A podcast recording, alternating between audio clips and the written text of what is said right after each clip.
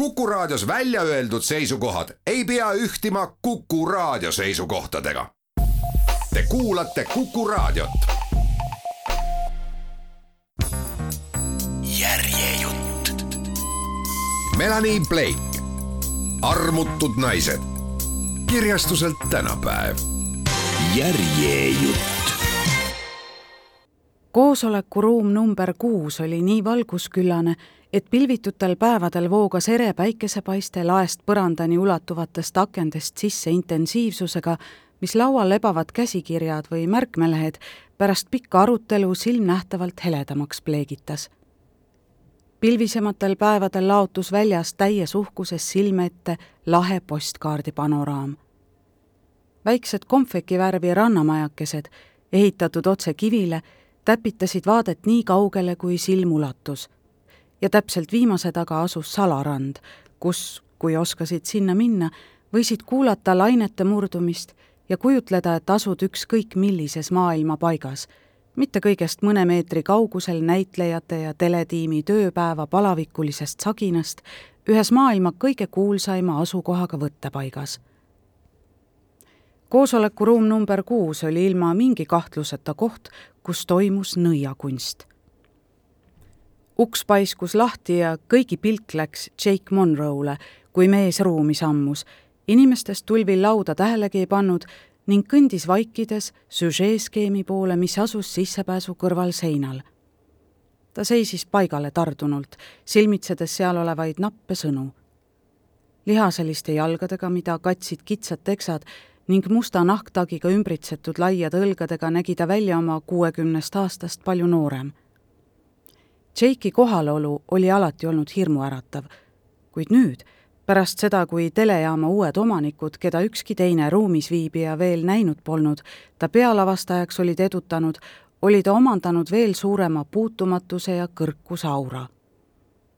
tema asus selle toiduahela tipus ja ta kandis hoolt, et kõik seda teaksid pärast näiliselt tundide pikkust, kuid tegelikult vaid kaks minutit kestnud vaikust tegi ta poolpöörde teiste suunas. ja see on kõik? küsis ta, osutades tahvlile ja vaadates üksteise järel igale kohalviibijale otsa. ruumis võis kuulda nööpnõela kukkumist. viimane nägu, millel ta pilk puhkama jäi, kuulus hiirjale naisele. krunni kinnitatud juuksed, paksude klaasidega prillid ja figuur, mida kalgimad inimesed nimetaksid töntsakaks. naise tool seisis otse kliimaseadme all ja ta tundis sealt uhkavat jahedust. või siis voolas see välja ta ülemusest. olgu põhjuseks mis tahes, tõmbas ta beeži villase pleedi tihedamini ümber õlgade. selle tuttide hüplemine ajas Jake'i marru. mis sinuga lahti on? urises ta naise nägu läks kahvatuks, kui ta oma toolil niheles, pannes tutid veel kiiremini hüplema. ma, mul oli külm. enne kui ta jõudis oma kokutava vastuse välja öelda, oli mees paari sammuga tema juurde astunud ja seisis nüüd otse ta tooli kõrval. kuradi kindlasti oli. lõrises ta ja heitis siis pilgu ülejäänud laudkonnale. ja sa pole ainus varem sel päeval oli Jake saatnud kõigile stsenaristidele, produtsentidele ja näitejuhtidele sõnumi. jäta kõik katki, kiirkoosolek, kamandades nad koosolekuruumi number kuus ja lisades oma allkirjale sõna pronto. kolm tundi hiljem seisis ta siin, silmitses laua ümber istujaid, kes olid arvatavasti kogu riigi kõige helgemad loovinimesed. aga kõik, mida Jake näha võis, olid tühjad pilgud ja värisev hiireke Kashmiris ta heitis pilgu tormitsevale merele. lained paiskusid vastu kaldakaitsevalli. lähenemas oli äike, nii väljas pärismaailmas kui ka siin fantaasiamaailmas. kellelgi tuli uppuda. pistriku laht lähenes neljakümnendale aastapäevale, aga kui kunagi oli see võitnud iga tiitli ja auhinna, mis päikese all välja mõeldud, siis nüüd oli see kaotanud enam kui poole vaatajaskonnast see sai vastu päid ja jalgu mitte üksnes kodukamaral, kus nad võisid harilikult loota teatud toetust, vaid seda oli hakanud materdama ka rahvusvaheline press. ja kui nemad juba su sihikule võtsid, oli see harilikult lõpu algus. telejaam, mis tootis ja andis eetrisse mitut populaarset ja odavalt valmivat tõsielusarja, kuid ainult ühte seebiooperit, oli sunnitud müüma enda ameeriklaste investeerimisrühmale ja uued omanikud olid andnud Shake'ile ametikõrgendust.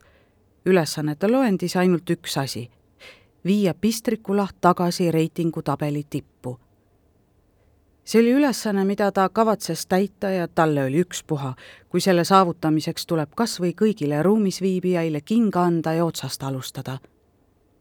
Ent nii kaua aega selles valdkonnas tegutsenuna teadis ta, et ühe inimese vallandamine on harilikult ülejäänutele piisav vapustus, et tegutsema hakata. sel päeval võis see olla igaüks neist oma õnnetuseks oli hiireke valinud ülemuse tähelepanu püüdmiseks täiesti vale hetke Te kõik olete kuradi mu külmast kangeks jäänud, möirgas ta. vaadake seda süžee skeemi. Seal pole ainsatki viisakat ideed, isegi mitte ühte. Te olete tõesti üks mannetu kamp. hiirjas neiu, kes oli uus ja kellele polnud öeldud, et kui Jake tujutses, tuleb liikumatult paigal istuda, värises üle keha, külmetades nüüd, mil ta peal oli karjutud, silmnähtavalt veel rohkem võbisevate kätega hakkas ta pleedi aeglaselt endale tihedamini ümber tõmbama, peaaegu nagu trööstivat tekki. See siin peaks olema loominguline tsoon, inimesed, karjus ta, tehes sõnade saateks sõrmedega õhus jutumärgid. ja mitte keegi teist loodardavatest kõlupeadest ei loo sittagi.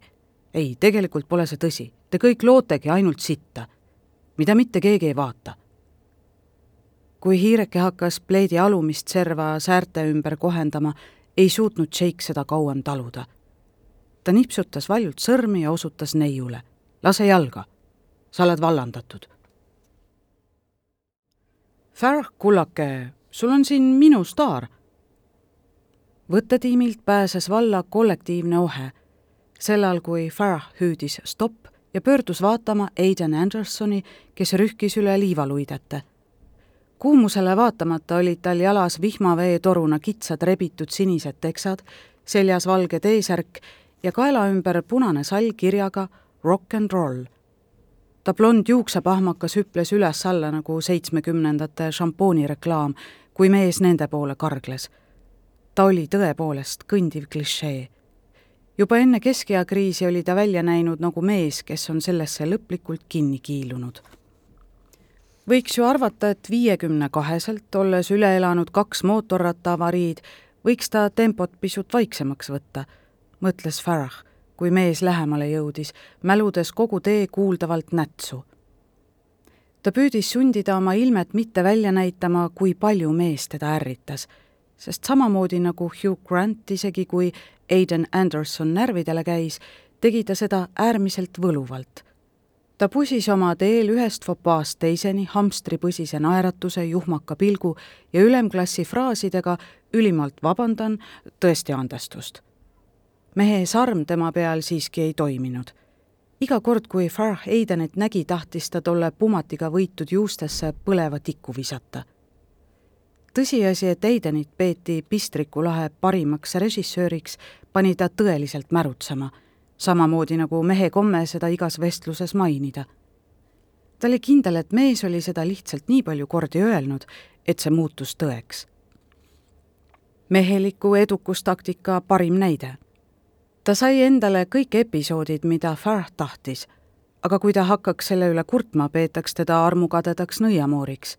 seega kõik, mis ta teha sai, oli mehe vastu kena olla ja loota, et ta oma töö kvaliteet räägib enda eest Eiden, mis ma su heaks teha saan? ütles Farh, püüdes hoida hääletooni joviaalsena. ei taha üldse tüli tekitada ja nii, aga meil on rõõm nautida proua Belli seltsi. kalenderplaanid ei valeta. Farh vaatas nüüd omaenda kalenderplaani. ta on minu päralt kella kolmeni. stseeni kohta, mis on ühe võttega tehtud, arvan, et kõigi eelduste kohaselt peaks Catherine praeguseks juba meie poole teel olema meil on kõik valmis ja ootame. Farah vaatas oma käekella. kella kolmeni oli veel veerand tundi. päike kõrvetas halastamatult ja ta laubalt hakkas alla nirisema higipiisk. Ta püüdis säilitada head nägu, olgugi et päike nüüd ta turja kõrvetas. ta soovis, et keegi hoiaks ta kohal päikesevarju, nagu nad hoidsid seda Catherine'i kohal. mul on siin kirjas kella kolmeni ja kui me veidi üle aja läheme, sest ta viskas pilgu Luciani poole, siis on see nii, nagu on. sellisel juhul ma vabandan, aga praegu olen ma oma ajakavas, mida see seltskondlik mõttevahetus kahandab. Aiden naeratas, püüdes teda oma põselohkudega relvituks lüüa mina pole siin mingi määraja kullake, aga ma pean need stseenid võimalikult kiiresti ära tegema, et saaksin osaleda tänaõhtusel kohtumisel selle otseülekande episoodi tõttu, mida ma teen. Farahil kulus mõni sekund tulemaks toime nii hästi šoki kui ka pettumusega. mees oli endale saanud jõulupüha otseülekande, koore koorelt.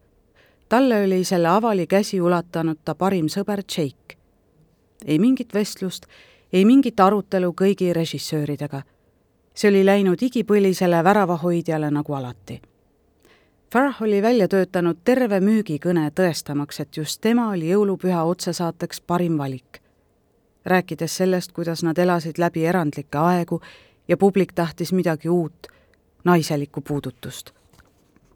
Aga Jake polnud talle isegi võimalust andnud. ja Farah taipas, et ei anna ka tulevikus poisteklubi oli Pistriku lahes rohkem kui elus ja tegev, ükskõik kui palju hämmastavaid naisi siin töötas. Farah, kullake, ütles Catherine, võib-olla me peaksime ja ta osutas ootavale võttetiimile. Farah vaatas tiimi poole ja seejärel Catherine'ile otsa. see oli imeõrn, aga kaheldamatult olemas. Catherine'i hoiaku muutus Aideni suhtes ja ülejäänud meeskonna oma samuti Farh nägi seda. see, kuidas Catherine oli astunud mõne sammu lähemale režissöörile, kes juhib ta läbi tunnipikkuse otsesaate. ta joondas end võtteplatsil viibiva võimuga. ja just tänu sellele poisteklubi ellu jäigi, sest hämmastavad naised ei hoidnud ühte, mis võimaldas meestel võimu säilitada. Farh hammustas huulde, kõvasti. Ta oli pettunud, aga ka solvatud kõigist inimestest just Catherine Bell, naine, kes seitsmekümneaastasena oli sellise talendi võrdkuju, mis tegi Pistriku lahest aegu ületava jõujaama.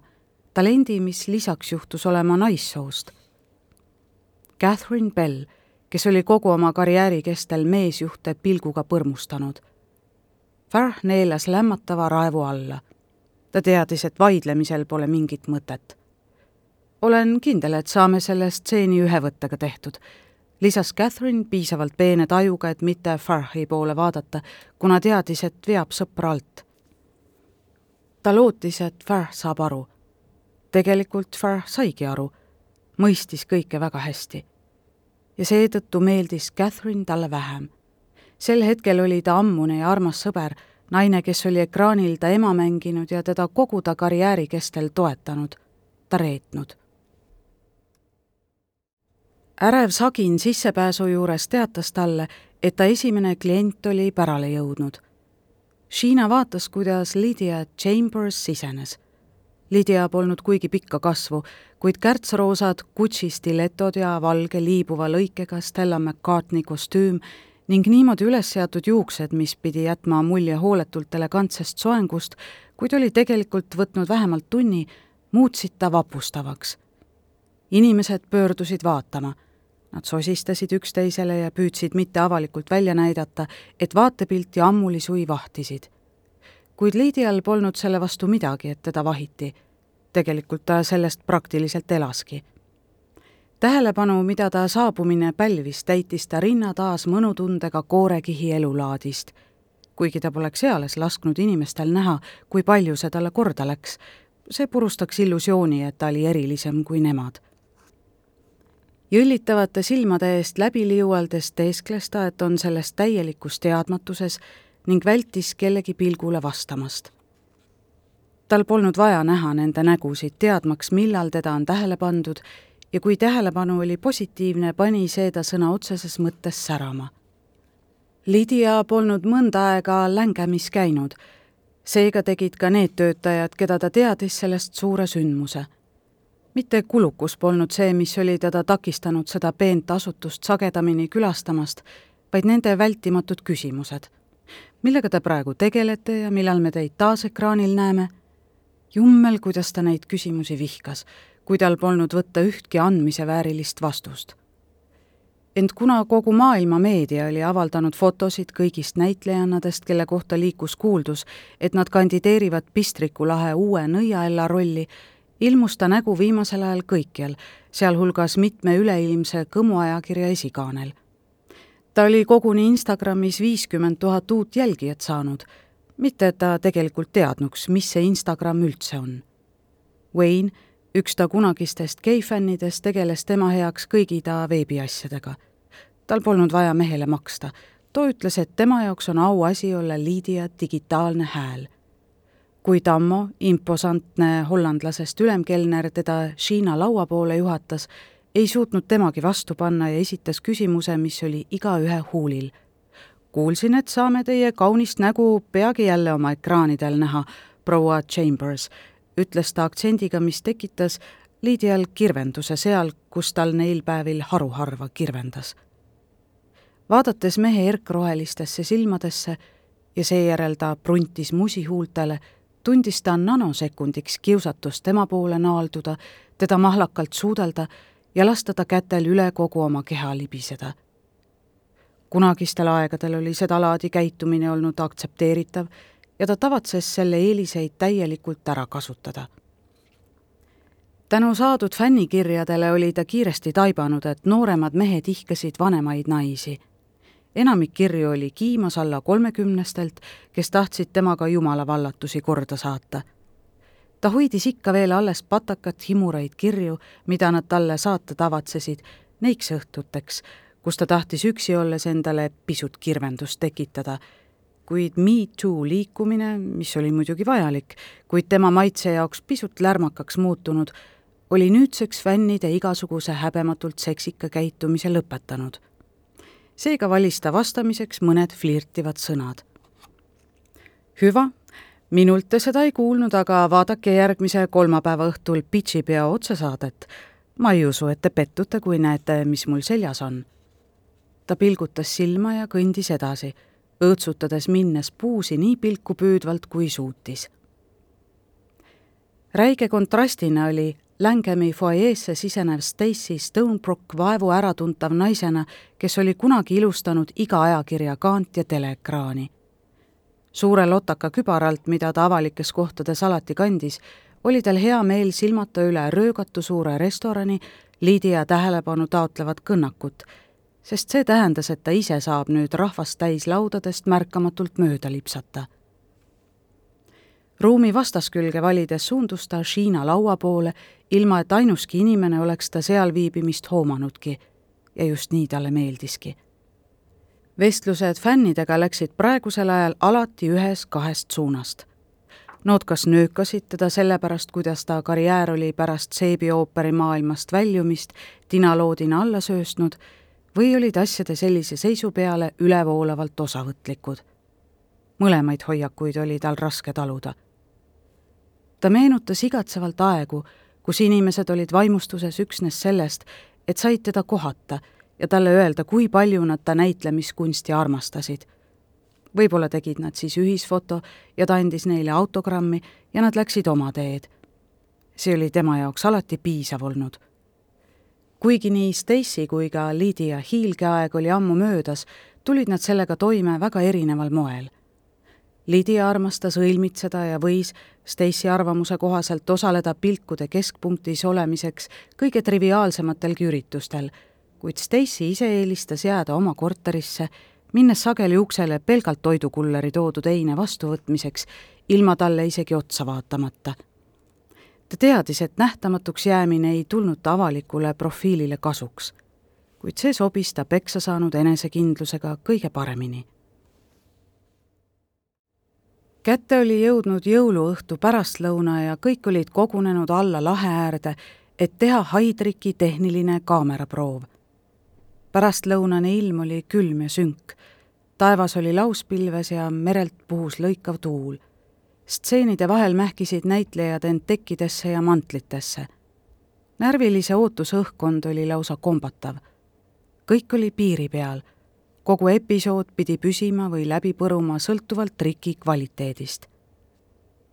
aastate jooksul oli Catherine Bell jaganud ekraani paljude kiskjatega, näitlejatega, kelle arvates oli kohane suudlemisstseenis teda pisut kobada, näitlejannadega, kes dialoogistseenides kingad jalast libistasid, pannes ta alla vaatama, mis tekitas topeltlõua ning produtsentidega, kes mõtlesid, et luba küsimata ta garderoobi tulek ja pealtvaatamine, kuidas ta duši all käis, oli täiesti aktsepteeritav. kuid see oli esimene kord, kus Catherine'il tuli stseeni jagada päris haige. laht oli sektsioonideks jagatud ja soojendusveega veetsisterni ümbritsesid poidel ulpivad lipukesed allveekaamerad filmisid haid, kui see oma ahtas ruumis aina ringi ja ringi ujus see oli tõeliselt närve kõditav pilt. ligi viie meetri pikkune ähvardavalt kogukas koletis tumedate ilmetute silmade ja liha rebimiseks loodud hambaid tihedalt täis lõugadega. Catherine tundis üksnes ta vaatamisest iiveldust. mida kauem hai ringe tegi, seda vihasem ta näis. tõsiasi, et tegemist oli emase elukaga, muutis mulje temast veidral kombel veel pahaendelisemaks Sheena, kes haruharva võtetele tuli, kuid tahtis täna Catherine'i jaoks kohal olla, seisis ta kõrval spetsiaalselt selleks ehitatud tekil vahetult Lucy Deani baari ees. kuidas sa end tunned? küsis ta Catherine'ilt, kes oli arusaadavalt jahe, kuid ka ebaharilikult vaikne. ma arvan, et olen ikka veel šokis, et see võte päriselt saabki teoks, vastas Catherine. nelikümmend aastat selles show's nelikümmend aastat mu elust ja see peab niimoodi lõppema, et Lucy sureb selle asja ammuli lõugade vahel. ta rapsas väriseva käega monitori suunas. Sheena mähkis käe talle ümber, tunnetades, et Catherine on nutuveerel. ära raiska oma pisaraid nende peale. nii palju, kui me seda vihkamegi, see läheb ajalukku kui kõigi aegade vaadatuim sarjaepisood ja keegi ei saa seda sinult kunagi ära võtta või siis hakkavad inimesed minu üle aastakümneid naerma ja liidijal on lõpuks ometi keegi, kes ta lehmade poolt surnuks tambitud episoodi neis piinlik tv-showdes asendab. see oli halb, aga see siin on veel halvem. Sheena vaikis. see saab olema minu pärand, jätkas Catherine. mida iganes ma pärast seda teen, esitatakse mulle alati küsimusi hai kohta Sheena pöördus näoga tema poole ja asetas käed naise mõlemale õlale. ma ei lase sel juhtuda ja kas sa tead, miks? Catherine vaatas tema poole, ihatas meeleheitlikult mingit lootust. sa oled kogu maailmas seriaali näitlejana number üks ja sellisena sa sellest show'st väljudki, ei midagi vähemat. kui inimesed su pistriku lahe karjäärile tagasi vaatavad, on neil nelikümmend aastat mälestusi, mitte ainult see viimane stseen ja sa pole omadega veel lõpetanud, su parim roll ootab ikka veel alles ees. Catherine'i vanust arvestades polnud ta selles viimases väites kindel, kuid oli Sheenale ta pingutuste eest tänulik. kaks naist embasid, siis kõndis Catherine oma märgi juurde ja seisis seal keset kõledat külma, oodates Hani tegelaskuju asendajat talle nii tugevat hoopi andmas, et ta kukub ülepeakaela tumedasse, eemale peletavasse merre see ei rääkinud sugugi Hani kasuks, et ta isegi ei vaevunud tehnilisele proovile kohale ilmuma, mõtles Catherine. oota ainult, kuni temal nelikümmend aastat täis saab, mõtiskles ta, vaadates all tiirutavat haid ja värisedes, kui ta pilgu eemale tinasele silmapiirile viis. eks vaatame, kuidas tema sellega toime tuleb. kõik korras, kätt, hüüdis Heiden ülevalt laudiselt, kuhu nad olid sisse seadnud pealtvaatajate laagri ta näeb täna karune välja, mõtles Catherine. võttetiim oli talle öelnud, et mees oli öö läbi pidutsenud. nii palju siis teisest võimalusest. ta oli kuulnud, et mehe garderoobis on peeglil terve kuhi kokaiini. ta vaatas uuesti Heideni poole. vähemalt ei pea ma enam temasuguse kõntsaga koos töötama, mõtles ta, püüdes kõigest väest end kokku võtta kogu see negatiivsus ei teinud talle põrmugi head vee kohalt puhuv jäine tuul lõikas temast üdini läbi. ta ei hakka ka välisvõttel niimoodi läbikülmumist taga igatsema.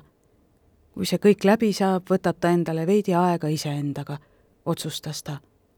ta oli alati tahtnud maailma näha, külastada Lõuna-Aasiat ja Uus-Meremaad, minna Lõuna-Aafrikas safarile. tal oli kahtlemata piisavalt raha, et mitte ummisjalu järgmise tööotsa juurde tormata. Pärast seda otseepisoodi ütleb ta Shiinale, et tahab mõneks ajaks näitlemiskarusselilt maha astuda.